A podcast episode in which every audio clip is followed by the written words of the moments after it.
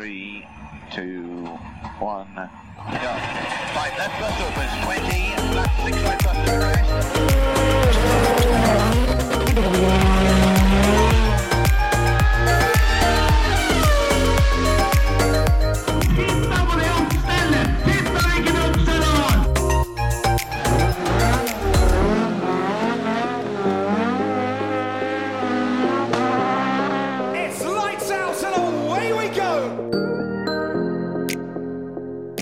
Velkommen til en ny episode av Føremøtet.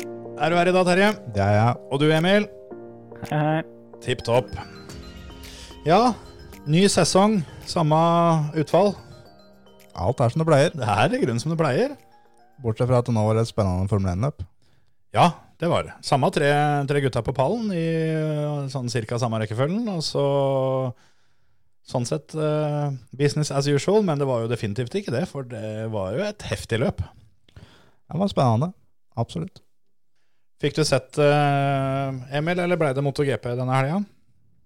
Nei, MotoGP begynte klokka sju, så jeg fikk se begge deler. Deilig, da. Det gjorde seg. Ja, hva syns vi om denne Bahrain Grand Prix 2021-versjonen? Litt skuffa. Ja, for det, det var kjedelig, eller? Nei, egentlig ikke. Jeg er mer det at jeg var skuffa over eh, resultatet, kan man jo si. Jeg skjønner den. Jeg eh, skal jo innrømme det at jeg, eh, jeg heia litt på Verstappen der, sjøl om jeg, jeg prøver å ikke ha noe, ha noe favorittfører der. Men det er jo det er noe med å heie på den som slår nedenfra, altså. Ja, jeg er helt enig. Det blir sånn. Så, Ja, ja, så jeg bare liksom følte at, eh, at det hadde blitt en eh, fetere sesongåpning med et eh, på en måte mer uventa utfall, da, sjøl om Verstappen var vel eh, faktisk favoritt før løpet starta. Det er alltid sånn. Det er en slåsskamp. Du heier på dvergen. Ja, ja, det gjør jeg det. Men hva om det er to? Da heier jeg på den korteste dvergen. Ja, ja, ja. Nei, det Eller korteste høydeutfordra, er Ja. det det heter. eh, den, den vertikalt utfordra personen. Ja. Den minste av dem heier du på. Den mest utfordra. Ja. Yes. Nei da, eh, fint det. Nå, nå har vi liksom satt eh, den standarden, da. Så sånn blir denne uka. På hvem vi heier på, ja. Ja, og greit. Fint, fint. Nei, det eh, Ja, vi, vi hadde vel eh, Vi hadde vel gitt eh, ti ekstra hestekrefter til Verstappen hvis vi hadde noen å gi, alle tre, tipper jeg. Ja, det hadde vi gjort. Men det er på sin plass å skryte av han som vant òg, for det de siste rundene han leverte, det var klasse. Det er noe av det bedre jeg har sett fra Hamilton på lang, lang, lang, lang tid, faktisk. Først så var Mercedes veldig, veldig bra med strategien sin, og så eh, leverte Hamilton det han var nødt til å gjøre mot slutten. Det var jo veldig, veldig bra løst av Mercedes. Veldig riktig strategi, selv om de egentlig dreit seg litt ut med at Hamilton gikk litt for hardt ut på første setta med harde hjul. Mm. som gjorde at han uh, sleit dem opp for mye. Altså sånn, du må begynne litt rolig med de harde hjula, for da holder de mye bedre på gummien. Så hvis du brenner dem litt for tidlig, så blir de bare sykt dårlig mye kjappere. Og det var det han gjorde. Ja, hvis, Så eh, det, hvis den mellomstinta hans hadde vart en tre-fire runder til, da hadde det begynt å, begynt å nærme seg optimalt. Men så er det igjen det, da, at eh, hadde Verstappen gått inn før Hamilton, så hadde jo Mercedes bare gitt det vekk. Mm. Så deres eneste mulighet var å gå inn først. Jeg hørte faktisk at Toto Wolff sa det der sånn, at uh, de, de gikk for undercutten uh, på det første pitstoppet, og det andre pitstoppet tok de så tidlig for å, for å ikke bli undercutta. Så sånn sett så hadde de sagt A, så måtte de si B, på en måte. Men um... ja, det hadde jo hjulpet fælt om Perez kunne fått lov å starte litt lenger opp, så han kunne være med å ødelegge for det der. Ja, men hvis han hadde starta lenger opp, så hadde ikke Mazepin fått kjørt forbi noen førere her denne helga her. Må tenke litt Men på han kjørte ikke forbi noen. Jo, han kjørte forbi Perez. Han sto på sida av veien der. Ja, men han var jo en runde bak omtrent, så det, det teller jo ikke det. Jo, jo. Han har, han- han har ikke kjørt forbi noen. Masepin uh, han skriver nok den der oppe i blokka si at ok, nå, nå fikk jeg to og en halv sving, og så fikk jeg én forbikjøring. Det er, vi, vi må ta det vi klarer. Ja, han, han starta vel som nummer 19, og var aldri på noe tidspunkt 18. Uh, nei, det var nok ikke. Men han har jo teknisk sett uh, hatt en passering av Peres, ja. Ja. Men, eh, men har aldri tjent en plassering. Nei. Det, nei, vi kan jo vi kan jo få unna han der, han der rasatapen der eh, like rett først som sist, for det, for det Masepin, han, eh, han sparker en døra og mm, har vifta med capsen og sier hei folkens, her er jeg, let's party. det er type, altså. Masespinn, som han har blitt døpt. Den kommer til å sitte her en stund, kjenner jeg. Han snurra fem ganger i løpet av helga. Ja. Jeg har snurra på trening, jeg snurra på kvall, jeg har snurra i løp. Var det ikke typ 14 uh, spins fra testen begynte til han sto parkert i veggen eller noe sånt? da? Jo, det kan, han hadde en del på testen, men eh, det er jo laga en egen nettside om det er sånn, som det er da en countdown-klokke til når han sist snurra. Og akkurat når vi spiller denne episoden her nå, så er det én dag, to timer, 29 minutter og 50 sekunder siden han snurra. Den var når jeg sa det her nå. Han snurra i første trening, og han eh, Nei, på, på preseason test så snurra han én gang. Så snurra han en gang nå i FP2, en gang i FP3, snurra to ganger i Q1, og så snurra han én gang i løpet. Og hadde sikkert eh, tatt et par til, Hadde han fått lov? hadde han fått lov, hadde ikke bilen vært ferdig. Nå skal det faktisk sies at uh, til hans uh, Nei, det blir feil å si til hans forsvar. Men en ting som, uh, som han sikkert var litt fornøyd med da, oppi all denne, denne, denne driten, var jo at Schumacher hadde en helt identisk spinn etterpå. sånn at da har han i hvert fall en liten mulighet til å skylde på bilen. Altså, det ser jo ikke ut som den letteste bilen å kjøre, men allikevel, da. Er, Skal du liksom satse alt du har i første to svingene når du starter sist, eller nest sist? Tenk dere det hvis han hadde fått, fått lov til å være med det feltet bort til i enden av den sletta der. Det er, det er da det helvete hadde begynt. Jeg tenker litt sånn at uh, her har du jobba mer eller mindre hele livet da, for å komme deg til Han har ikke jobba hele livet. Nei. Faren har jobba hele livet. Ja, her, her, har, eh, her har målet hele livet da, vært eh, å kjøre Formel 1. Hvor mm. mye han har jobba for, kan vi jo ta en annen gang, men eh, jeg ser definitivt poenget. Og så når det endelig kommer jeg dit, da, får sluppet deg ned i bilen, og nå skal, det, eh, nå skal jeg kjøre det første Formel 1-løpet mitt. Nå skal Putin bli imponert over meg. Oh yes, kommer seg ikke en, en runde engang. Ja, han kjørte ikke så gærent egentlig i eh, de to første svingene, da, for han holdt jo på å snurre i, begge to, før han da snurra i opptil to og en halv. Henta seg inn. Så, men jeg har en liten quiz til dere, ak sånn, apropos det her sånn. Hvem var den forrige føreren som brøyt debutløpet sitt? Hmm. Hmm. Det er uh, fy-fy. Jeg har ingen anelse. Jeg kan si han er fra Russland, han òg. Å, Sirotkin? Stemmer. det er mye av samme ulla dit og der, da. Ja, det kan, Ja, det er Det blir for likt. Ja. det kan jo være at det har vært den store helten. da. Så nå, nå skal jeg gå hans fotspor. og da gjør vi det akkurat sånn som han gjorde det. Kan hende. Ja. Nei, det blir mer, eh, mer snurringer på eh, både Has og Masepin eh, litt senere i sesongen. Såpass kan vi vel garantere, tror jeg. Ja, det tror jeg. Så ja, vi fikk ikke se så veldig mye til han, og det var vel eh, kanskje like greit ut ifra det lille vi fikk se. Men eh, Has var jo som venta skikkelig ræva. Dønn sist, og helt håpløs, egentlig. Eh, altså, De ender jo teknisk sett ikke dønn sist, men Schumacher var eh, siste bilen som eh, kom i mål. Da var det riktignok fire andre som hadde brutt, så han ble jo nummer 16. Men eh, ja, det var det. Og Has var jo også det teamet som eh, hadde tapt mest eh, på, på kvaltida si, sammenligna med kvaltida på samme bane i fjor. Så Det er ganske sjukt, i og med at de var ræva i fjor, da. de var ræva, men de var 2,3? 2,338 sekunder treigere enn seg sjøl. Aston Martin var uh, ikke så mye bedre. De var 2,279. Og det um, Så har du da i tillegg Mercedes, da, 2,1 bak sin egen tid. Det som overrasker der, er jo ikke akkurat det, for det er jo litt sånn som vi fikk høre gjentatte ganger, at uh, disse regelendringene er jo uh, er jo designa kun for at eh, Toto Wolff eh, skal bli litt grinte. eh, I hvert fall hvis du spør han. Og at Mercedes og Aston Martin, eller de, de to Mercedesene, da får, får svi, det forventa vi litt.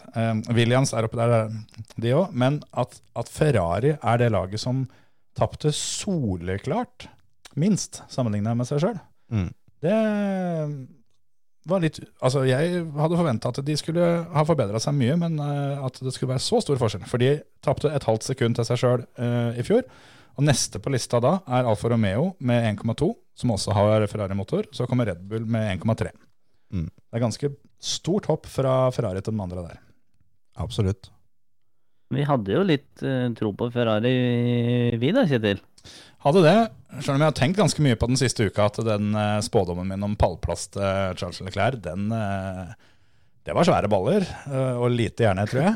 Men eh, Ja, det var en liste med håp og drømmer. Altså. Det er, jeg, jeg tror den blir tøff å få inn, men eh, nå, nå er jo litt av poenget med, med sånne lister å, å stikke ut halsen litt, da. ikke bare kjøre helt safe sånn som Terje. Så vi må, ha, sant. vi må ha litt debatt, vet du. Så derfor så må vi ta litt utradisjonelle valg. Så da, da ble det sånn. Men han var jo oppe, da. Altså, herregud, jeg syns han, eh, syns han gjorde et bra løp, jeg. Ja, absolutt. Jeg blei mer imponert over Science uh, gjennom treninger og, og kvalifisering. Uh, men i løpet så syns jeg Leclerc var, var fryktelig, fryktelig bra. Mm. Science får også litt, uh, får litt skade når han prøver å kjøre gjennom Stroll litt tidlig i løpet der. Ja. Det skal sies at han blir jo da også satt i andre rekke for eh, Leclerc, så det blir jo han som kommer inn for den dårlige strategien og blir lagt ut med resten av folka, liksom. Ja. Mm. Science er eh, Ferrari sin Bottas. Ja, eller det løpet her var nå det For det, sånn som det egentlig skal være, så er det jo sånn at den av de to gutta som ligger først, skal jo få best strategien. Mm. Mm. Og så langt så ser det ut som at de følger det. Men det er klart, det kan jo hende at uh, jeg, jeg tror ikke de vil uh, gjøre noe forskjell på dem allerede bare etter ett løp. Jeg Nei. tror de kommer til å se formen til dem litt utover, og så kanskje det blir litt favor favoritisering. Jeg, Favorisering. jeg tror jo Eller jeg mener jo at det løpet til Science her nå er et av de bedre av en ny sjåfør i et nytt team. Altså du ser hele raceweekend weekend under ett, da, hvor nærme han har vært den erfarne i teamet. Mm. Han var tettere på, på um, Leclerc enn det, enn det um, Ricardo var på Norris, eksempel, gjennom helga. Hmm. Så det var eh, imponerende. Så det blir, spennende å se. Og det er kult at nå er Ferrari med den De er ikke Mercedes Red Bull eh, og kan fighte mot dem, det er de ikke ennå. Men de er og kan fighte med de andre nå. Mm. De har, eh, de har en, en, en fair sjanse på å komme seg på pallen i konstruktørmesterskapet. Og Mm. hadde noen sagt det til dem for et år siden, så tror jeg de hadde booka takka og vært ganske happy med det. Hadde vi sagt det til Terje i forrige uke, så hadde han sagt eh, nei. ja, det var vel bare jeg som hadde dem såpass uh, høyt opp. Jeg hadde dem vel på fjerdeplass. Og måtte krangle litt, så vi endte vel på femte, tror jeg, hvis ikke jeg husker feil, som var liksom vårt samla tips. Eller, eller var det sjette? Femte. Ja, det, det skal en del vann under brua før vi kommer så langt. Det er jo bare 22 løp til. Og øh, det blir, øh, det blir spennende, for det At McLaren og Ferrari er der nå, er greit nok, men jeg tror, eh, jeg tror det er et par andre som, eh, som eh, vil blande seg inn litt her òg, utover. Jeg tipper jo at vi får se mer av eh, de grønne Aston Martin-bilene nå. Fordi eh, Fettel hadde jo egentlig ikke noe dårlig løp, men det er klart han ble jo sittende igjen ute på banen der med disse dekka i 100 år for å Vet ikke, bare prøvekanin. Du skjønner det, Sebastian, at vi har, eh, vi har mista en, eh, en trailer med dekker. Så vi har bare ett sett igjen til deg. Så du får bare holde, holde ut, og så skal vi bytte når vi kommer sånn cirka halvveis. Kommer til å gå så fint at eh, Men Skal ha det. Han ga seg faen ikke, da. Nei, det var mye mer, mye mer glød i kjøringa hans nå enn det vi så egentlig hele forrige sesongen. For det, det gikk ikke noe bedre, bedre sånn, eh, hva skal jeg si, resultatmessig. og- han, eh, han fikk jo juling utpå der, sånn sett. Men han ga seg ikke denne gangen. Han fighta om det. Det, det er positivt for resten av året. Jeg syns han gjør det løpet her var bedre enn hele 2020-sesongen hans. Sjøl om resultatet er helt likt. Og så eh, leste jeg også en artikkel på det, at, um, at Vettel får uh, vingeskade i inngangen av turn 2 i runde 1. Når han treffer Sonoda, eller hva det er, så knekker en plate av frontvinga hans, som uh, han taper på. Og da har de helt sikkert da kalkulert med at uh, vi taper uh, kanskje litt mer på å bytte vinga. Så da um, Vi taper uansett, men da er det kanskje bedre å kjøre. Mm. Så si at han tapte tiendedel eller to eller tre, kanskje hver runde, eller ned hver slette, men var kanskje bedre enn å svinge her. Det, det veit vi ikke. Men eh, han, eh, han kjørte mye med skade. Men eh, den han tar på Ocon litt ut i løpet, den kan ikke skylde på noen, noen ting annet enn brain fart, altså. Det beste med hele den situasjonen der, er jo at han prøver å bortforklare den og legger skylda på, på, på Ocon. Ja. For hadde han bare, bare sagt at OK, guys, I fucked up, så hadde det vært helt greit, på en måte. Det hadde ingen, ingen, ingen brydd seg med. Ny, ny bil, tjo og hei. Ingen hadde tenkt så mye over det. Men når han prøver å si at det der var Okonsis feil, da Det, det er som, som jeg og Kjetil snakka om litt før vi starta her, sånn at uh, han tenkte nok i sitt hue at Okon skulle kjøre forbi på ytteren og legge seg inn foran og bremse for å sperre for Vettel, så ikke Vettel skulle være på innsida. Det er nok det Vettel tror, så Vettel går til venstre for å unngå det sporskiftet han ser for seg at Okon kommer til å gjøre. Men Ocon er så mye kjappere enn og sletta der at Ocon trenger jo ikke å legge seg inn. Så Ocon skal jo bare kjøre det vanlige sporet sitt. Så det der var eh, Det var ikke en, eh, en bra greie, men eh, jeg syns fortsatt at um, Fettel leverer et mye, mye bedre løp. Og Aston Martin er virkelig, virkelig prega av de nye Aero-endringene. Så mm, det får håpe at de finner litt ut av det litt utover, sånn at de kan være med og fighte det, de òg.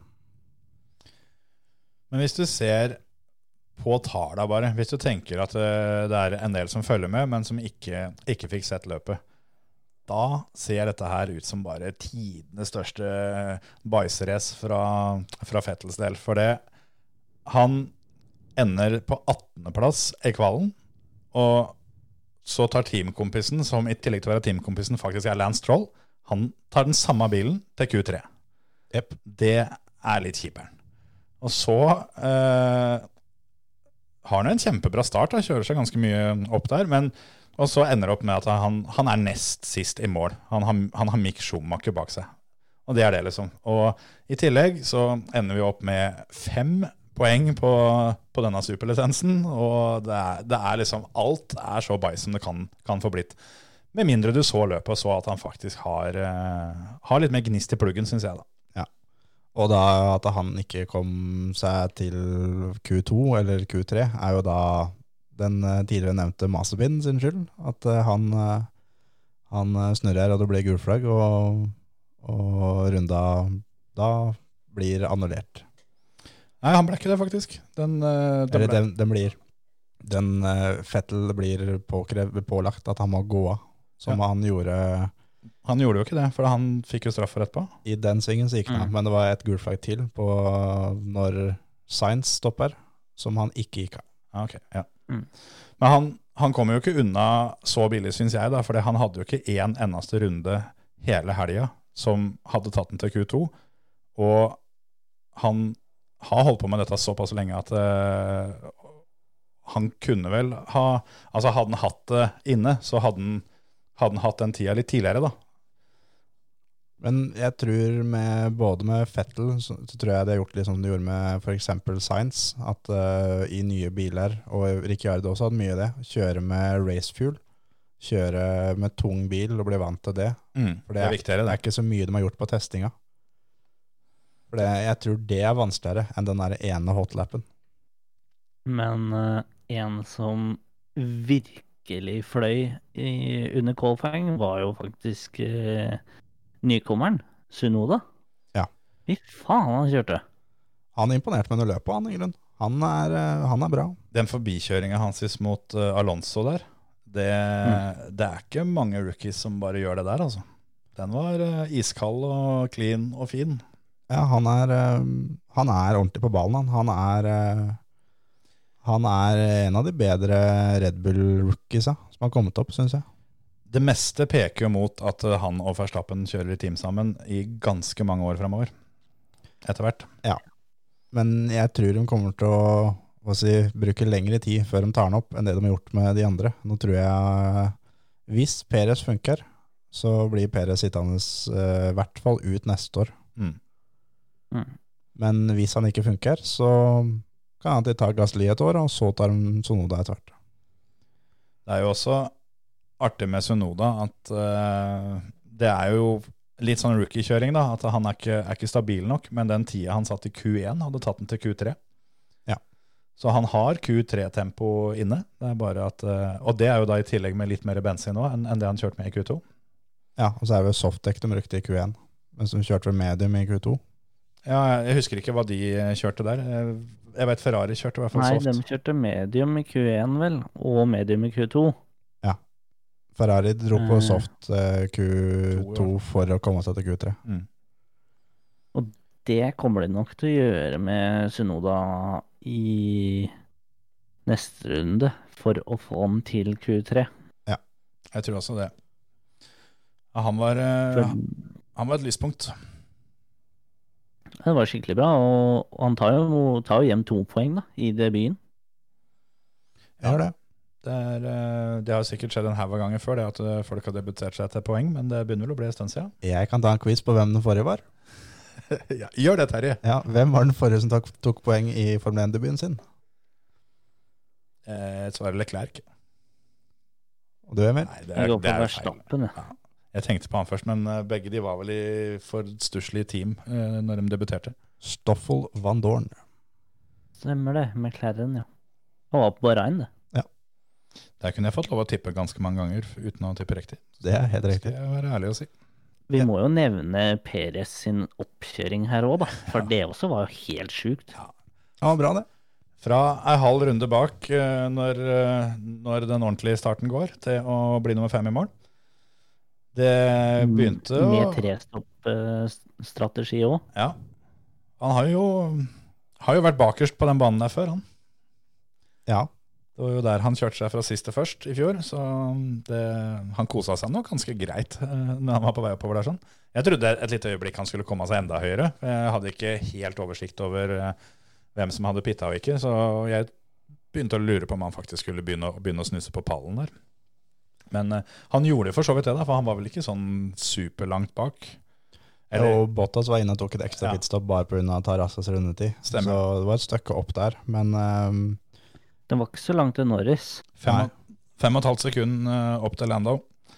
Og Lando også Så leverer et helt ekstremt bra løp, Mm. men blir på en måte litt glemt. Men dæven for et løp han kjører. Og eh, vi snakker om at Fettel var litt uh, frampå i skoa, men eh, Lando var virkelig Han sto på, sto på tærne når det skulle fightes litt i første runde der. Altså, han skulle opp og fram.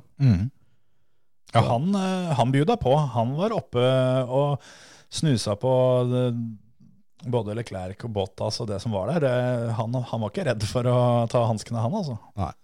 jeg kjente jeg faktisk ble litt, litt sånn småirritert i egentlig både første starten, men også etter safety car. På, for da er jo, er jo mm, Ricardo rett bak, Mm. og, og skal på en måte begynne å fighte med Lando. Ja. Når Lando egentlig er i posisjon til å kjøre seg opp og fram. Så da kjente jeg at jeg ble sånn småirritert. Men hva faen er det du driver med? Er det ikke bedre å heller få vært med han opp Ja, og komme seg opp og fram? Men uh, det fungerer jo ikke helt sånn i Formel 1. Det er jo veldig få eh, motorsportgrener det der faktisk funker, da. Og altså at teamkompiser lar hverandre være det første løpet. For det- Ricardo vil jo mer enn noe annet helt sikkert eh, være foran Norris og vise at eh, jeg er big dog. Mm.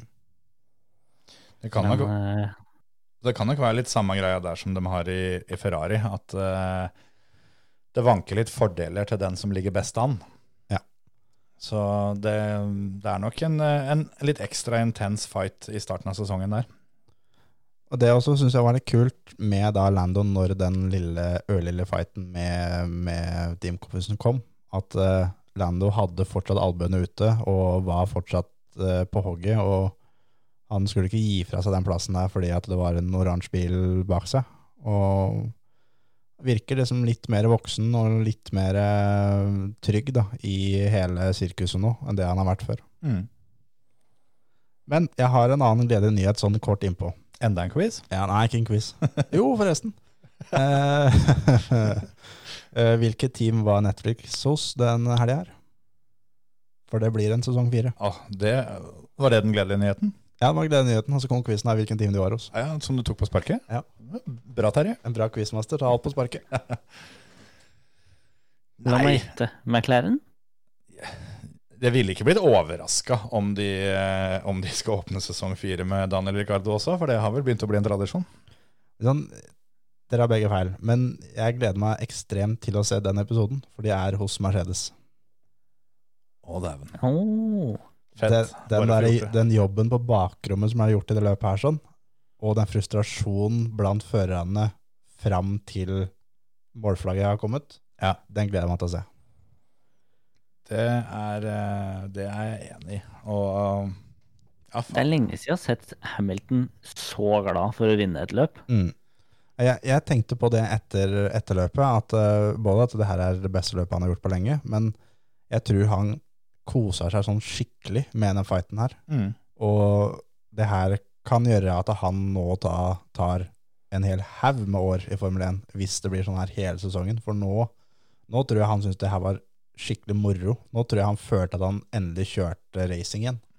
Er helt enig, og det tenkte jeg på underveis òg. For jeg har jo vært eh, den, eh, den som har lufta tanken litt om at jeg tror han gir seg, at han, eh, at han eh, ender med å flytte for mye fokus over på det som skjer utafor banen og sånn. Men eh, jeg tror det har en sammenheng med at han, hadde det, eller han har hatt det for lett, og spesielt i fjor. Mm. Så, så var ting var for enkelt, så han hadde en del fokus å avse. da. Men jeg tror han aller mest vil ha den gode fighten, og spesielt når han kommer ut på toppen. Det er jeg helt enig i at jeg tror, tror det fyrer opp litt for han. Men hvis eh, dere har hørt Hamilton syte fram til nå, bare vent til Max slår den. Ja, ja, ja. Å Oh, gud yes. a meg. Det, det begynte jo allerede under treningene og kvalen litt her nå. Ja da. Vi så litt hva som ligger i gjerdet her. Det, Men Bare det når Botta, nei, når Bottas, ja. Når eh, Verstappen går forbi den på ytteren og blir liksom litt skvisa ut nok til at uh, Verstappen går jo ikke av gassen, men du ser han mister bakhjula bitte litt, retter seg og må da ut av banen. Jeg er sikker på at det, han hadde ikke mer enn forlatt Curbsen før Hamilton var på radioen og sa 'han var utafor, han var utafor, han var utafor'. jeg tror også det. Og det Men, men eh, jeg, jeg skal lansere en quiz til. ok. Eh, Hamilton satte en ny rekord eh, i helga med antall runder leda på en Formel 1-bane. Hvor mange runder var det? 5912. 5112. Emil er nærmest. 5126. Det var ganske nærme det. Forrige rekorden var på 5111. Det var derfor jeg sa 12. Det var det det var. det var der han Fordi Da- i sendinga så bikka det over. Ja, så Emil hadde for så vidt rett, at det var der han, der han satt rekorden. Ja, det er Mens den, den, den stående rekorden er, er, er litt høyere. Ja. Jeg tenkte faktisk på det òg, at, uh, uh, at Verstappen kjørte den taktikken sånn at- Hamilton kunne få tatt den der jævla rekorden, for det var liksom den, den han mangla. Sånn, kjør av gutten min, og så bli ferdig med dette her sånn, så skal jeg kjøre forbi det etterpå. Det kan hende. Men um, ja, det var jo kort tid at han hadde, hadde jo vunnet det løpet her. Hadde han sluppet den forbi på riktig sted. Ja, ja, ja. Det er, det, dette må vi prate litt om, for det, det har jeg tenkt en del på. Og her kan jo dere vesentlig mer enn meg, men inni mitt hue så gjør han dette her på omtrent dårligste mulig måte.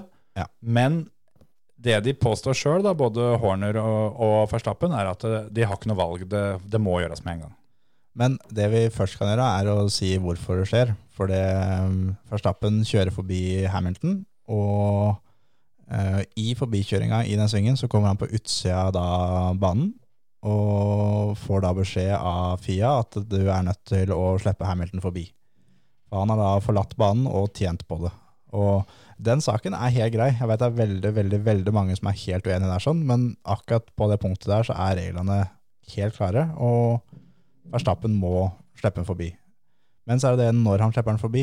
Hadde sånn som når Hamilton har fått samme beskjed tidligere, så har Hamilton diskutert på radioen eh, om det er fordi han er uenig, eller om det er for å kjøpe seg tid til å slippe forbi et annet plass på banen. Det vet vi ikke. Men Verstappen kunne gjort akkurat det samme. Og så er det, hvorfor det? Hvorfor må jeg gjøre det? Eh, kan jeg ikke bare kjøre? Tatt den diskusjonen der over den sletta?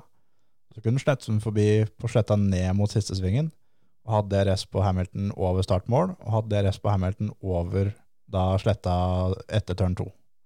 Og da vinner vinne løpet. Jeg tror han tenkte så uh, kort som at uh, ok, jeg må han forbi. Da vil jeg heller han forbi før enn siden, sånn at jeg har mer tid til å, å ta, han, ta han tilbake igjen. Mm. Men Jeg, jeg tror helt ærlig at det der var raseriutbrudd. mm, At han bare Fuck den beskjeden her. Bare pell deg forbi, skal jeg faen meg henge på deg som en klegg. Men det som Og det han, gjør han. Han ligger jo klistra inntil den, liksom.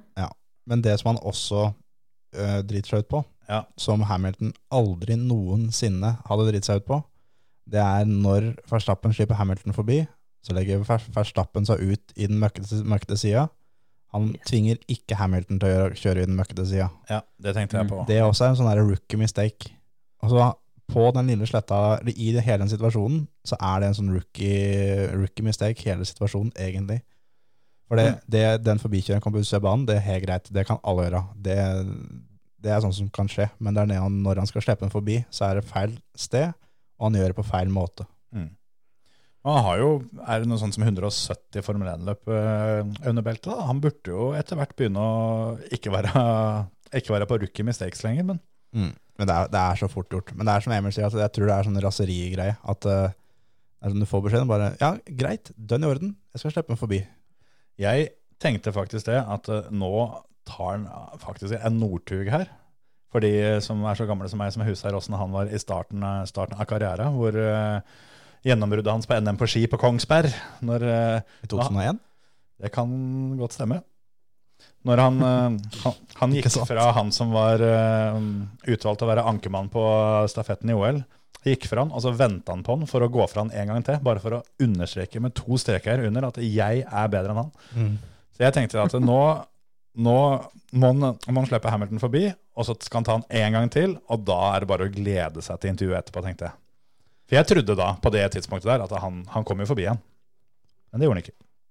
Men det er det der med dirty air. Når det kommer, og ligger um, halvannet eller fra halvannet sekund til to sekunder bak en bil, så er det Du har nesten ikke grep på alt sammen, og da er det møkkete luft og varm luft som eh, bilene ikke er så glad i. Og det er sånn som For jeg så de første fem-ti rundene eh, på Viasat, og da måtte jeg bare skru av, rett og slett. For da var det jamsing om Men se nå, Verstappen drar bare fra Hamilton. Men Hamilton legger seg jo da akkurat utafor dirty air Mm. for å kunne kjøre like lenge på dekka. Ligger han da et sekund bak, så har ikke Hamilton dekk igjen. Det er liksom sånn det er ganske basiskunnskap da, i, i Formel 1, at det er, det er dirty air. Så mm, det er litt derfor Verstappen også bruker så lang tid etter han har sluppet forbi Hamilton, på å komme seg opp igjen. Han fikk jo et par sånne understyringssnaps der òg, som uh, antageligvis også da kanskje kommer pga. det. da, At Mm. han får den der eh, leie lufta der sånn. Men Mm. apropos det, når vi er inne på turn fire, så må vi jo prate litt om uh, de, de gangene Hamilton også var uh, over linje i turn fire. For der syns i hvert fall jeg da, at uh, det er ganske svakt at eh, han får lov til det. Mm. Er det, var det 56 runder løpet var? Mm. Eh, 29 av, av, av de 56 rundene så kjørte Hamilton på utsida. Mm. Og det var én av 20 førere som gjorde det. Det var han. Helt til, helt til de andre oppdaga det og, og begynte med det dem, dem òg, siden det tydeligvis var greit. Men det var 19 førere som hadde fått med seg at dette skal, dette skal vi ikke gjøre. Én fører som ikke gjorde det, og han fikk lov til det. Det syns jeg er eh, Det er ikke Hamiltons feil, Nei. men eh, her er, eh, er det noen som har gjort en dårlig jobb, syns jeg. Ja, her er det race control som, som sover, rett og slett. Og det er eh, På en måte så skjønner jeg Hamilton litt, for han prøver å tøye grensene som han kan. Og han kjører ut der en gang og får ikke noe beskjed om at det her er ikke greit. Kjører ut der en gang til, fortsatt ikke noe beskjed. Kjører ut der enda en gang, får fortsatt ikke noe beskjed.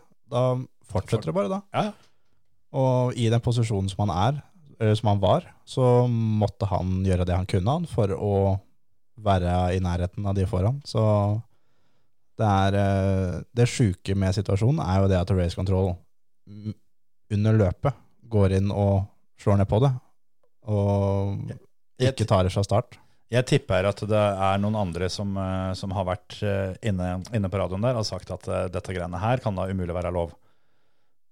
Det veit vi jo ikke, da. Men jeg vil tro det. At uh, f.eks. Red Bull, antageligvis Red Bull, har uh, vært inne og sagt at uh, Hamilton kjører over der sånn hele tida. Hvorfor skjer det ikke noe? Og så får de eh, sannsynligvis ikke noe særlig, særlig godt svar tilbake. Og da, da gir de beskjed til Max om at uh, du kan også kjøre der, helt til vi får beskjed om noe annet. Men Det er så jævla irriterende det der, fordi at eh, de gikk så hardt ut i forkant av løpet og sa da at her står det svart på hvitt. Du skal ikke exite bane eh, Altså exite banen på noen form eh, som da eh, selvfølgelig ikke er eh, helt nødvendig. og videre. Mm. Men, eh, men å da la Hamilton gjøre det i 29 runder mens han jager innpå eh, maks, eller prøver å holde seg innafor, og, og hvem vet, kanskje det utgjør det lille som ga Mercedes muligheten til å faktisk kjøre en undercut, da. Ja, og uansett hvor mye, mye tid han, han tjener på det, så er det jo ikke noen tvil om at det er jo vesentlig snillere for dekka å kjøre på den måten der.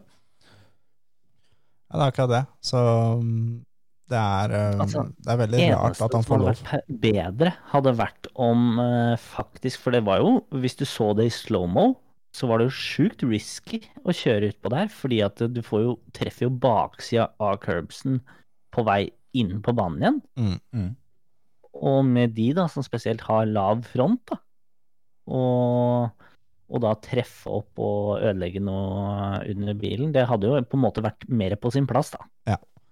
Og Jeg, jeg mener jo egentlig at straffa der burde vært eh, at eh, det her er ikke lov, du har gjort det nå så mange ganger. Du får tre sekunder straff, du får fem sekunder straff. Mm. eh, et eller annet. At eh, eh, Ikke det at eh, gjør du det en gang til nå, så får du ikke, da får du straff. Men at greit, nå har vi sett, du har gjort det 29 ganger. Vi ble enige om det på førermøtet.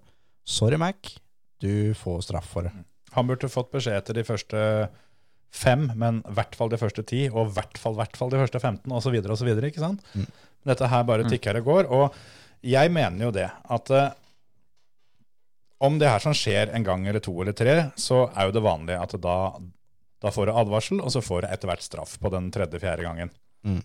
Men i og med at Race Control da lar han kjøre deg 29 ganger, så mener jeg at de på den måten sier at det er en godkjent del av banen, da burde det også være en godkjent del av banen for alle andre.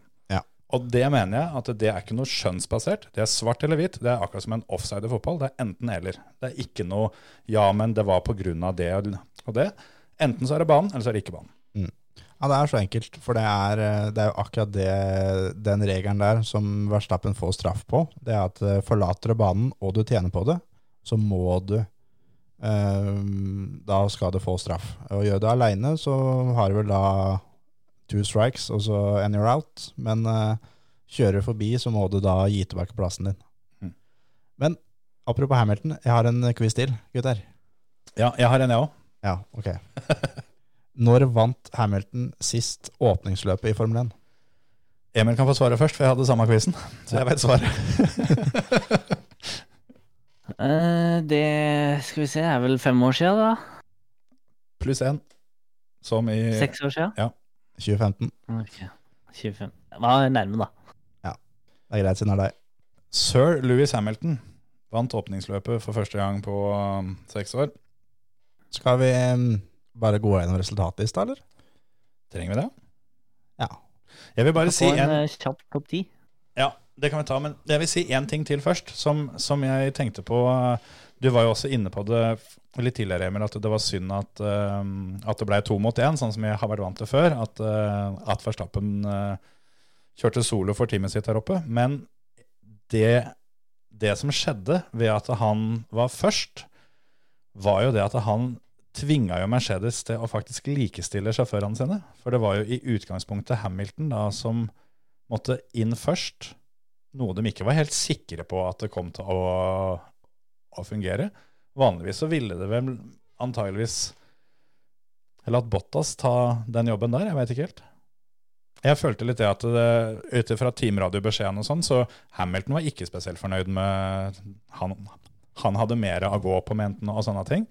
Men uh, han var nærmest. Han var den eneste som kunne, kunne undercutte, og da, da ble det han. Så Mm. Da, da klarte faktisk Verstappen å tvinge fram at, eh, at Mercedes eh, tenkte på totalen. Mm.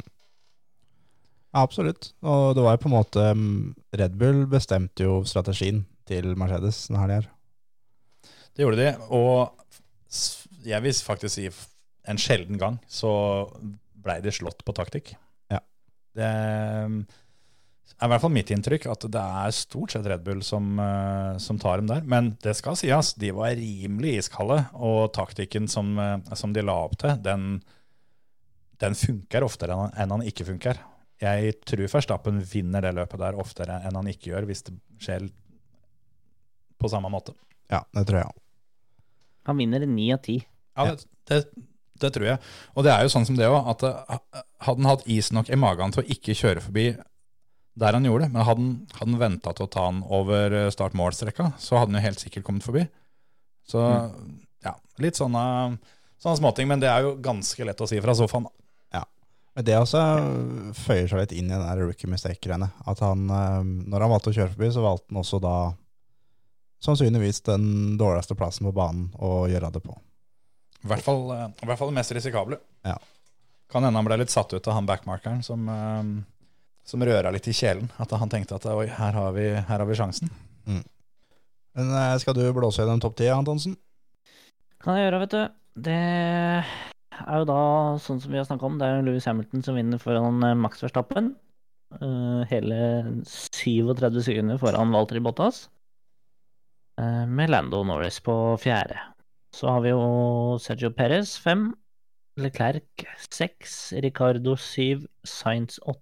Sunoda ni. Og Stroll er nummer ti. Yes. Kompisen din i poenga igjen, Terje. Er det, vet du. Men uh, skal jeg bare nevne da at det er Mercedes som leder VM? Kan jo ta denne kjapt. Mercedes leder foran Red Bull med McLaren og, og Ferrari bak. Og så er det ganske betydelig hopp ned til Alfa Tauri med to poeng, Aston Martin med ett poeng og alle andre med null.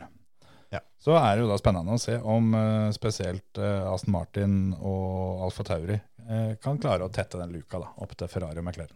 Ja. Alfa Tauri så bra ut, altså. Ja, Ja. det er jeg helt enig i. Det, det der blir, det blir bra. Skal vi kikke litt på fantasyen vår, eller? Skal vi strekke litt på beina først?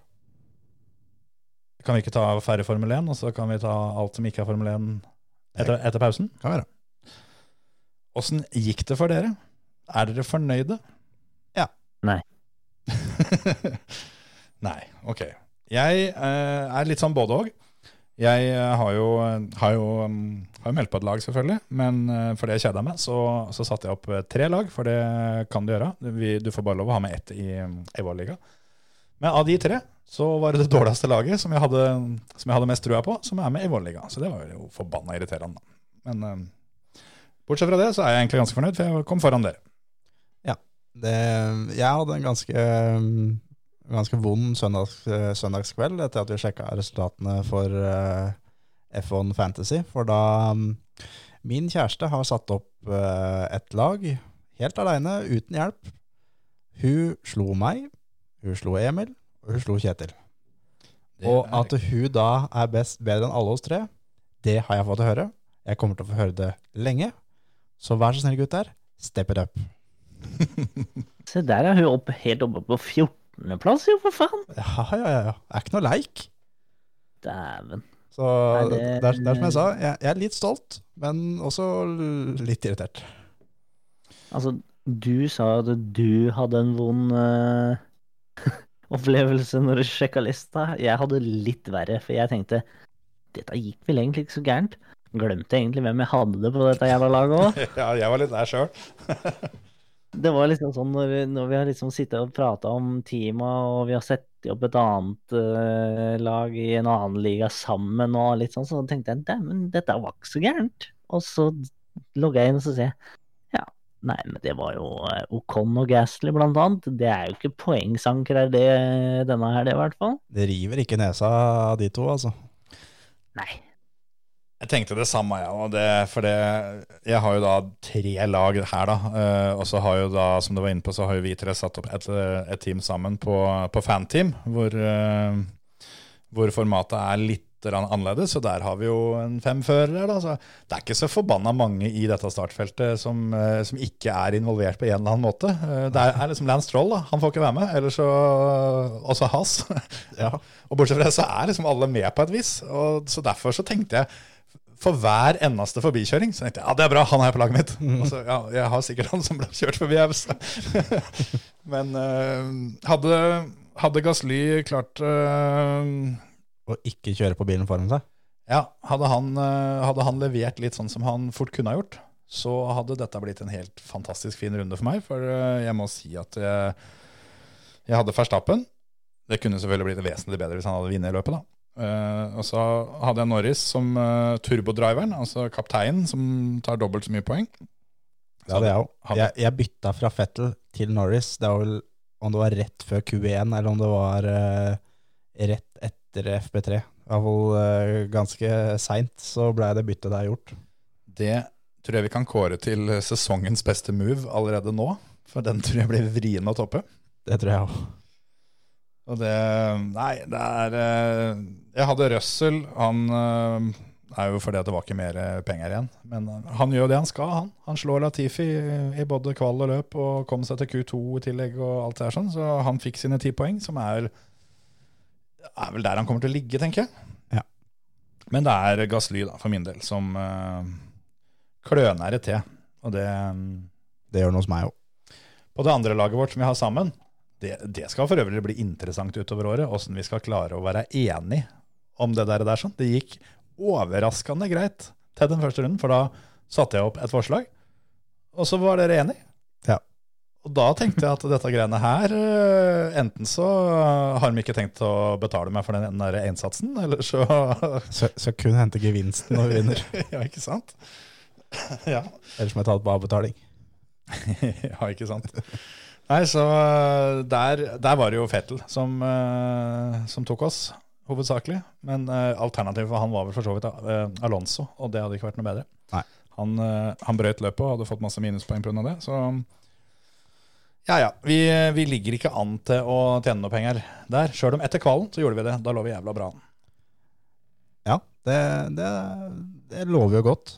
Men apropos Alonso, kom jeg på nå, at der er mest sannsynlig en flaggevakt som fucka til løpet hans. For uh, han fikk da uh, papir fra en bagett som satte seg inn i uh, bremsesystemet bak. Som gjør at han mista bremsene bak. Og det er helt sikkert en sånn der, eh, sånn der lokal pokal som har fått lov til å stå på pose 5 der og, og stå flagget, som da har spist bagett med begge henda og fått trøkt i seg en solobrus der. Og så har han bare slipp det papiret. Se der forsvant det papiret. Og tror du han tenker da Han, han står og ser på papiret. Han følger med på det og tenker dette går bra. Dette går bra. Det, nei, nei, nei, nei, fy faen. Det måtte treffe der. Det blåser bort det papiret der. Det minner meg på den situasjonen med Kimmy. Jeg vet ikke om, om, om dere husker den? Når han ble så lynforbanna fordi han, han hadde fått en, en sånn visir tear-off som, eh, som havna på samme sted, og var så forbanna over det. Og så, og så um, kom han inn, fikk fjerna dette og kjørt utpå igjen. Og så fikk han eh, plutselig beskjed av radioen. eh, nå har vi sjekka dette, Kimmy. Det var din tear-off. Yep. Denne var jeg litt lei. Ja, det. Så dere skiltet til Kimia i helga? Ja. Ja. Legende, altså. Tok opp en papplate, han. 20 years, still here. Den mannen der det er bare, bare å få gitt den nøklene og pokalen og hele driten. altså. La han, la han ta det. Ja, absolutt. Men jeg må jo si at det er eh, skikkelig skikkelig moro at det er over 60 mann og damer, eller mann og kvinner, som er med i fantasyligaen vår. Det er veldig moro, og det er bare å heve seg med videre. Vi eh, stenger ikke døra. Absolutt ikke. Så gå inn på Facebooken vår. Vi heter Føremøte der òg, så om ikke dere har funnet oss før, så er det på tide å få gjort det. Og så scroller dere bitte litt nedover, en post eller to. Og Der ligger eh, en svær rød F1-logo. Eller logoen er hvit, bakgrunnen er rød. Trykk på den, så kommer du direkte inn, sånn at du bare eh, registrerer, setter opp lag og melder deg på ligaen vår. Ja.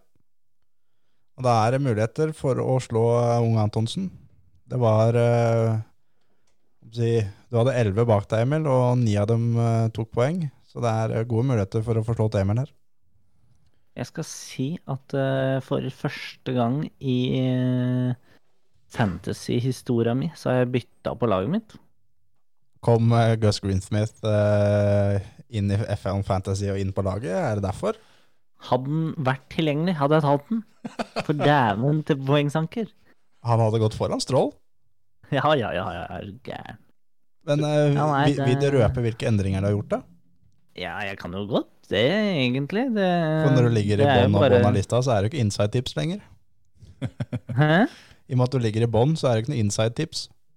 Nei da, det er mer sånn at øh, nå har jeg et, et team jeg forhåpentligvis er litt mer trygg sånn stabilt på, da. Sånn at jeg- kan egentlig sette av det laget her og forhåpentligvis ikke gjøre noen spesielle endringer. Men øh, jeg har i hvert fall Laget sånn som det står nå, er Verstappen, Perez, Norris, Gasly og Sunoda. Og McLaren, selvfølgelig. Det er, det er et sterkt lag. Det er et skikkelig, er skikkelig sterkt lag, tror jeg. Sjæl så har jeg Hamilton, Norris, Russell, Fettel, Gasly og McLaren.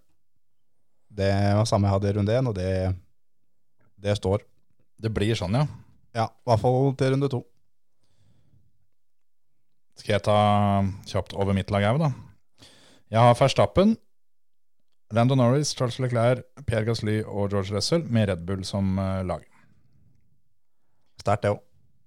Jeg er faktisk jævlig fornøyd. Altså. Lag, altså. Ja, jeg er, jeg er skikkelig fornøyd, og jeg gikk for den der, der at jeg, eh, jeg satte opp Red Bull først. Og så putta jeg på de andre gutta etterpå, for det er fort gjort å gå andre veien, og da er ikke penger igjen. Men jeg tenkte som så at her tror jeg det er lurt å, å gå for dem. Jeg har jo tross alt tippa at det blir verdensmester her i år, så da, da er det vanskelig å ikke backe det opp med å, å velge dem. Jeg tenkte litt det samme som du sa nå, så da har jeg begge Red Bull-sjåførene i hvert fall, da. Ikke sant? Nei, det, det skal sies at av de tre, tre lagene mine, det, det laget som, eh, som har klart best, der har jeg faktisk Mercedes som team. Sjøl om eh, Ja, de eh, Det var jo ikke så rart. Jeg ser at de har rød pil, sånn at de er på vei til å synke i pris. Det er jo, ja, jeg skjønner ikke så veldig mye av det der eh, prissystemet, men jeg bestemte meg for å prøve det, da. Se om det, om det kan betale seg altså putte noen kroner i bilen istedenfor føreren. Eneste jeg har på laget mitt som ikke har Mercedes-motor, er Gasly.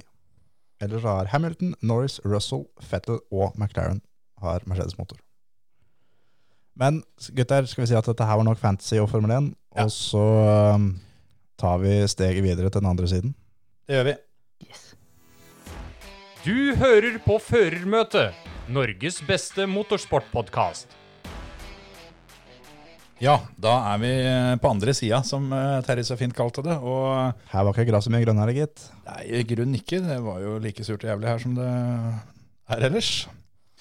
Men eh, vi var jo litt inne på det tidligere. Eh, det har vel skjedd noe annet i helga? Har du lyst til å eh, prate litt om det, Emil? Å, endelig, endelig, endelig. Hæ, så deilig, gutter. En ny sesong med donorsykkel er i gang. I notatene mine så har jeg skrevet MotoGP, og så måtte jeg føye på Moto3, og så måtte, har jeg bare skrevet Moto-Moto. Ja, for det er jo Moto 3 som da er starterklassen i, i MotoGP-sirkuset, før eh, du rykker opp i Motor 2, og så er det MotoGP på toppen. Og for å si det sånn, da. Motor 3, der er det jo svakere motor, eh, lettere sykler, eh, mer utsatt for vær og vind osv. Og dere fikk jo tilsendt siste runda fra Motor 3-løpet. Gud hjelpes, så fett det var. Det var faktisk ganske fett, det. Til og med jeg må si det. De er sjuke i huet. Men Det du, sjukeste er jo at det var jo så lite action i forhold til de rundene som var før det der. Kjetil sa i stad før han begynte at han var litt irritert fordi han var sikker på MotoGP, så kjente ikke igjen ett navn. Jeg tenkte, har alle de der gutta, eller begge, de, eller tre kommer fram til, som jeg eh, kan navnet på, har de dratt av eller noe sånt nå? Er det jo ingen kjente navn her, tenkte jeg. Det er, det er jo ikke noe gøy. Og så skjønte jeg etter hvert at det var ikke MotoGP, det var Moto3. Og de eh, Altså, under hele løpet da, så var det egentlig sånn at ok, du var nummer Det skal sies de 14 første eh, lå i én gruppe hele løpet. Det er fett. Og var du nummer 14 på starten av si runde fire, så kunne du ligge som nummer to eller nummer én når du kryssa mållinja neste gang. Litt sånn NASCAR-aktig, nesten. Ja, bare enda sjukere. Mm. Og sånn type eh, folk bøyde eh, disse bremsehendelbeskytterne på hjelmene til hverandre og sånn. Deilig. Det er, det er rått, altså. Apropos NASCAR, bare sånn veldig, veldig, veldig, veldig kort innpå. At uh, neste uke så skal vi hente inn eksperthjelp som skal fortelle oss om et NASCAR-løp som blir kjørt nå. I dag. Fett. Kult. Kjør videre. Men eh, nei da, vi går ikke så veldig i dybden på hvert enkelt løp. Det eneste vi kan egentlig ta med oss fra, fra Moto 3, er eh, topp tre. Og det var Jamie Masia som vant eh, for Red Bull KTM. Og Pedro Acosta nummer to, også Red Bull KTM. Og Darren Binder for Petronas. Og Darren Binder er jo lillebroren til, til Binder i MotoGP. Um, og, um, og Pedro Acosta er også rookie i år og tar, eh, åpner sesongen med en andreplass. Deilig. Dobbel for teamet der, altså. De eh, tar 1-2. Da er lista lagt. Så hopper vi jo til, kjapt til Moto 2. Da var jo Sam Lowes som stakk av gårde med seieren der. Eh, foran Remi Gardner og Fabio Di Giantiano. Og eh, skal sies at uh, det var en superspennende løp, det òg. Fordi det, det var jo Det var veldig, veldig mye vind. Og vanskelig å kjøre. Ja, de er nok litt mer påvirka av vinden enn eh, mange andre. Veldig. Og, og det var et uh, vanskelig løp. Skal si så at uh, Sam Lowe stakk egentlig ganske bra ifra. Vant med 2,2 sekunder til Remy Gardner. Og, og uh, Fabio Giantonio, som han egentlig heter, som jeg ikke klarte å si i stad, han kjører jo for eh, Federal Oil Gressini Moto 2. Og rett skal vi si, Det var vel en uke før, eller om det var mer, det kan hende jeg tar feil av, så kommer jo da dette Gressini-navnet, eh, som da er eier, og, eller var eier og teamsjef eh, av både dette teamet og i Moto 3, han eh, døde av korona, faktisk. Og såpass. ja. Så han eh, henta seg opp fra langt bak og tok en eh, knipen, og da sier jeg knipen, tredjeplass på mesterlig vis. Altså da vi snakker at han kom i mål eh, fem sekunder, eh, eller 5,228 bak eh, Gardner, og Bececki som kom bak, er da 5,241. Så Ah. altså da to tusendeler bak. Det er på det berømte håret, det. Jeg kløyva et òg. Ja, knapt nok det, faktisk. Ja, det er altså Et, et Det var så sjukt. Og sykt spennende løp. Eh, og det skal også sies at Raúl Fernandes kom på femte, lå egentlig på, på tredjeplass der lenge. Og dette var også hans rookie-løp i Moto 2, og Rått. leverte et superbra løp. Så Men der da- blir det gøy. Åssen gikk det med de The Big Boys? Var det like The spennende big- der? Det var jævlig spennende, for å si det mildt. Um, også veldig vinutsatt, og, og så Det er jo en veldig motorkrevende bane, da. Så Ducati har jo gjort det kjempebra hele, hele uka, og gjort det bra på tester og alt mulig. Så der var det Francesco Bagnaia som tok pole. Og inn i turn 1 så var det fire Ducatier i front. Deilig. Men det skulle jo godeste Maverick Top Gun Vinales sette en stopper for, og rett og slett bare dosa seg gjennom hele gjengen for og strakk til slutt eh, en sekund foran eh, Johan Sarko og Bagnaia. Men eh, deres eh, tidligere venn, eh, eller deres venn, Johan Mir, var også selvfølgelig med igjen i kampen. Deilig. For Suzuki har et eh, bra chassis i år. eh, Bra med dekka fortsatt, og kjørte seg opp. Kom seg opp til andreplass, og Ducati ramla lenger og lenger bak. Og det viste seg det at de hadde rett og slett brukt for mye fuel, så der slo motoren inn på fuel save mode. Det er alltid så kult når det skjer. Så de mista jo et tonn av hestekrefter, men eh, heldigvis så klarte de å spare litt et par av de, og kunne da bruke full power de siste to rundene. Mens da Mir eh, klatra seg opp til andreplass på siste runden, så ble han slått over målstreken av Johan Sarko og Francesco Bagnaia. Men eh, Honda sleit litt med denne runden her, eller? Ja, Er det- altså er det på motoren, Repsol eh, Honda mangler jo godeste Mark Marquez, da. Er alt fokuset på, på Formel 1-motoren, så de har ikke hatt tid til å fikse denne her. Nei da, det, det var egentlig veldig bra, og ut ifra det jeg har forstått, så kom eh, Paul Espagaro på åttende, og som tydeligvis var eh, veldig, veldig bra.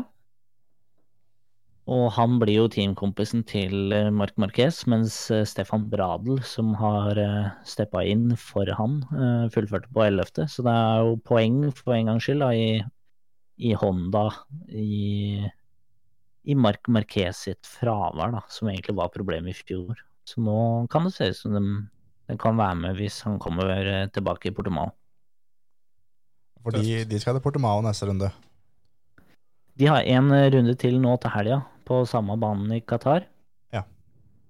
Og så er det Portimao uka etter. I og med at det er på, på Portimao, Kjetil, så må vi vel eh, må vi nesten se på. Altså runde tre. Jeg kan tenke meg at uh, det er sikkert fett å se på dette her sånn stadig vekk, men på Portimao er det nok kneppet fettere, eller hva man skal si. Hvis det er lov å si. Uh, ja, for det Jeg gleder meg allerede til månedsskiftet april-mai når Formel 1 skal tilbake til Portimao, så jeg kan godt varme opp med litt uh, MotoGP først. Ja, de letta jo over kulen i bakken, tross alt, så det er jo jævlig spennende. Ja, det, det der, det der er, det er solgt. Jeg blir med. Kan jo også melde om da, at det ble målt en toppfart på 356 km i timen på disse donorsyklene. Ja, da var det medvind. Eh, Det er i motvind. Jeg lurte om de begynte å oppsi måle etter sånn der den gamle Toyota Hiace-metoden. At nå nådde jeg 100, men det var ned Libakan og i medvind. Ja. Da er det riktig å huke seg litt nedpå, føler jeg, når du ligger her i 350 i motvind. Ja. Du skal ikke Men, eh, strekke halsen for mye da. Nei, jeg tror ikke det, altså. men eh, gutter, vi eh, Eller jeg satte jo faktisk opp en lita fantasy-liga før Før denne, dette løpet begynte. Ja. Og eh, det blei jo gjort mens vi spilte inn eh, forrige episode, sånn at vi fikk ikke akkurat uh, ordna så mye med det og sånt noe. Men, uh, men uh, vi har i hvert fall lagd en uh, liga der. Og deres eh, fravær eh, er notert. Ja, men jeg sa jo laget mitt eh, i forrige episode. Jeg sa jo hvem jeg skulle ha. var- Nei, altså, det var de tre jeg kunne navn på. Det var, det var Rossi, mm, Coeltararo og Mir. Uh, og hvis du må ha fire, så kan jeg Marqueso, så da tar vi han her. Og så er det bare å sette på laget, send med passord i posten. Du kan ha, du kan ha fem. Ja, da tar jeg han med den blåeste sykkelen. Unnskyld, du kan ha fire og et, eh, et merke. Ja. Da tar jeg dem fire, og så øh, hørte jeg at Honda ikke var så forbanna bra, så da tar jeg dem. Men eh, det, er, det er mye større sannsynlighet for at det laget blir satt opp hvis det blir gjort via en PC eller, eh, eller telefon. For jeg tror ikke de som styrer den fantasy-ligaen, hører på oss og sier at 'Å ja, ja faen, han, han vil ha det laget, han, ja'. Vent litt. Roger, kan ikke du sette opp laget for han? Det er ikke sånn det funker. Ja, men da har jeg sagt det, så da kan vi bare regne ut hva de hadde fått da, etter denne sesongen er over. Ja. Jeg, hadde, jeg går ut fra at jeg ikke har råd til å ta de fire gutta likevel, så jeg prøver meg egentlig bare på en liten spansk en her. Du hadde hatt god råd til disse gutta, faktisk. Men da hadde jeg endt opp med BMX som team, da, eller? Nei da, det var ikke så gærent. Eh, det er eh, et litt mm, Hva skal jeg si litt billigere system, da. Så Ja. det var mulighet til å ha litt flere av de store gutta, så det ble litt mer morsomt å følge med på hvert løp, da. Apropos morsomt å følge med på løp, så kom jeg på en ting som vi må skyte inn der. For nyhetene har vel, eh, har vel drøpt ut at, eh, at også MotoGP skal få sin eh, egen Drive to Survive på Amazon Prime. Det kommer vel da til vinteren, tipper jeg. At de er ute og filmer denne sesongen her. Og så skal dette slippes før neste sesong. Og da skal du se at det skjer ting med interessen, vil jeg tro. For det, det funka rimelig greit for Formel 1. minus dem så er at de er si på? Amazon Prime, ikke Netflix. Sånn for dem sin del. Det er klart. det er klart. Men Jo da.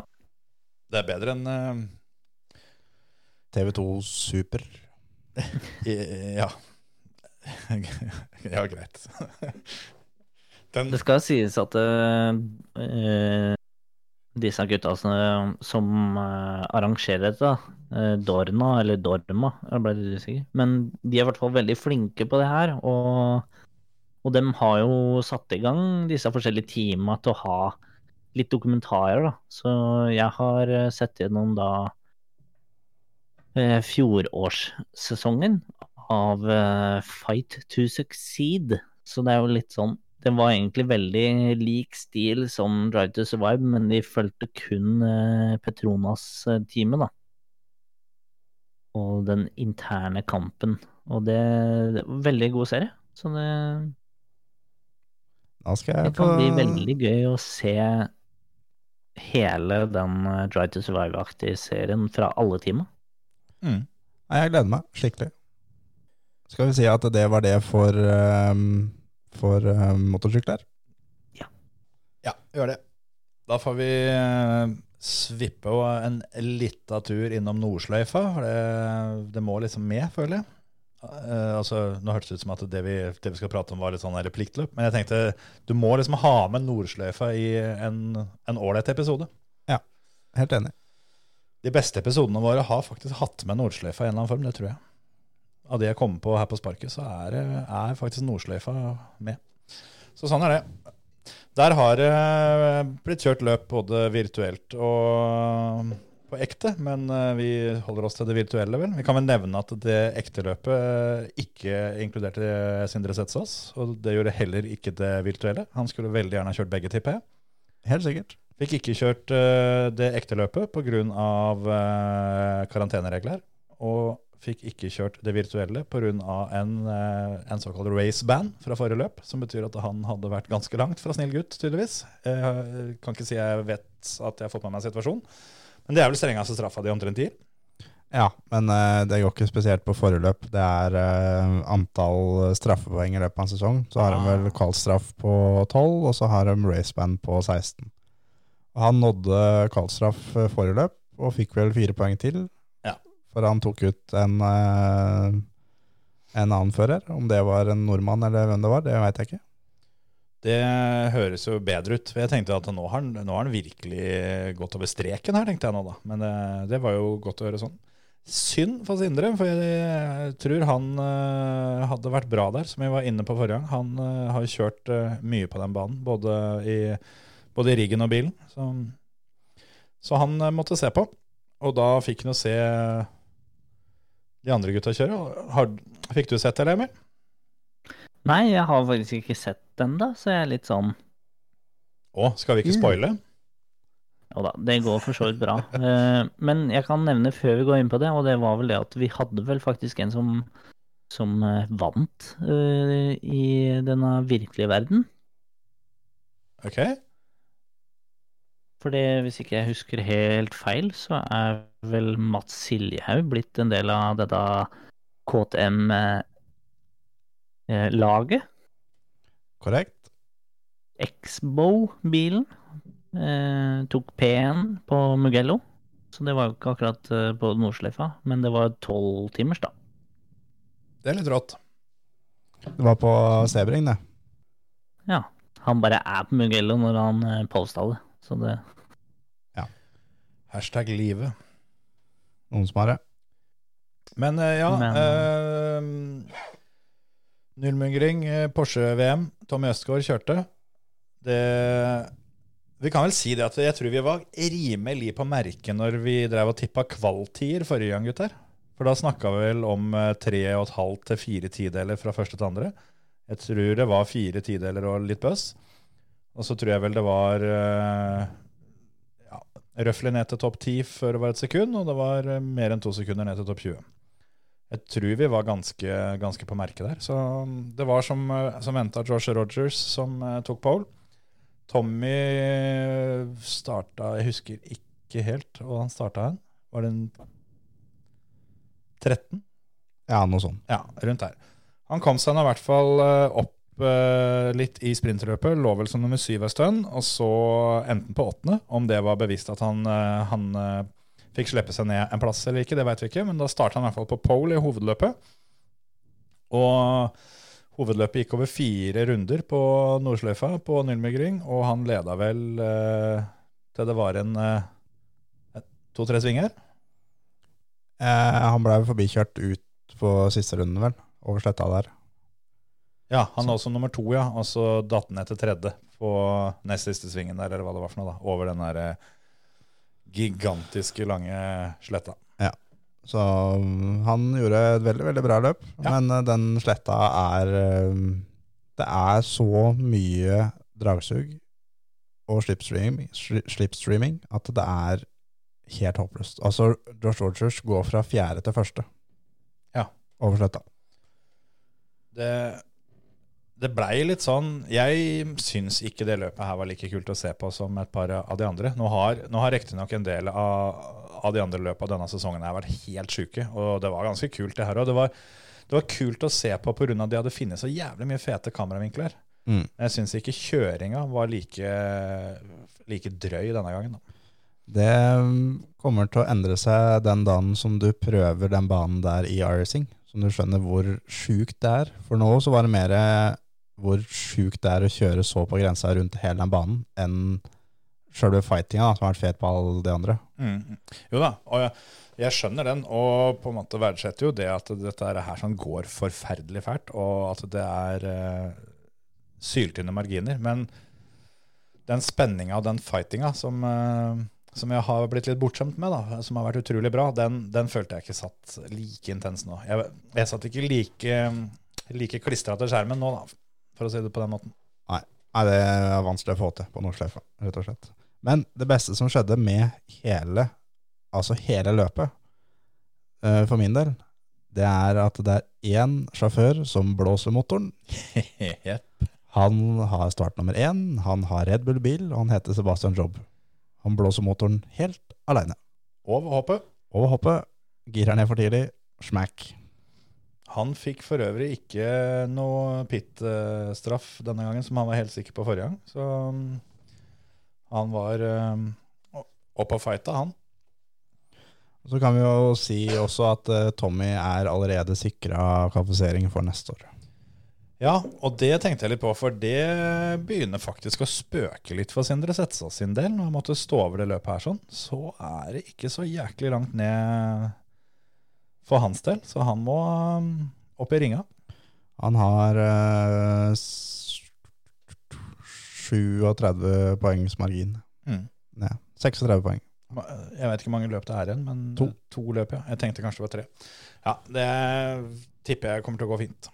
Skal kjøre på Le Mans neste gang, og Monza som siste løp. Hvis han får til det samme tempoet som han eh, hadde på Le Mans forrige sesong, så går dette her helt fint. Han Ja. bare har litt mer bensin i eh, kjelen. Tommy klatra da opp til en tiendeplass totalt. Og Josh Rogers eh, tok eh, en litt klammere hånd om tittelen, for det var jo litt spennende. Men nå som Job uh, rasa ut, så ble det vel luke, tenker jeg. Ja, nå er det vel Mitchell de Jong er vel eneste som kan potensielt ta han. Såpass òg, jeg Ja, ja. Nei, det er vel eh, både han og Job, men da tror jeg Rogers skal bryte begge de to siste løpa for at det skal være håp. Ikke sant. Ja, ja. Skal vi si at dette var det? Vi eh, kommer tilbake neste uke. Skal vi si at eh, vi tar oss ei lita runde rundt eh, på litt sånn ymse Ymse biler og ting og tang innenfor motorsporten til uka. Nå har det vært mye, mye Formel 1. Kan vi, kan vi få inn litt rallycross og litt NASCAR og litt uh, simracing og litt av hvert til uka? Det kan være. God gammeldags uh, pytt i panne-episode. Det er i orden for min del. Ha det bra, folkens! Ha det, Jan. Hei.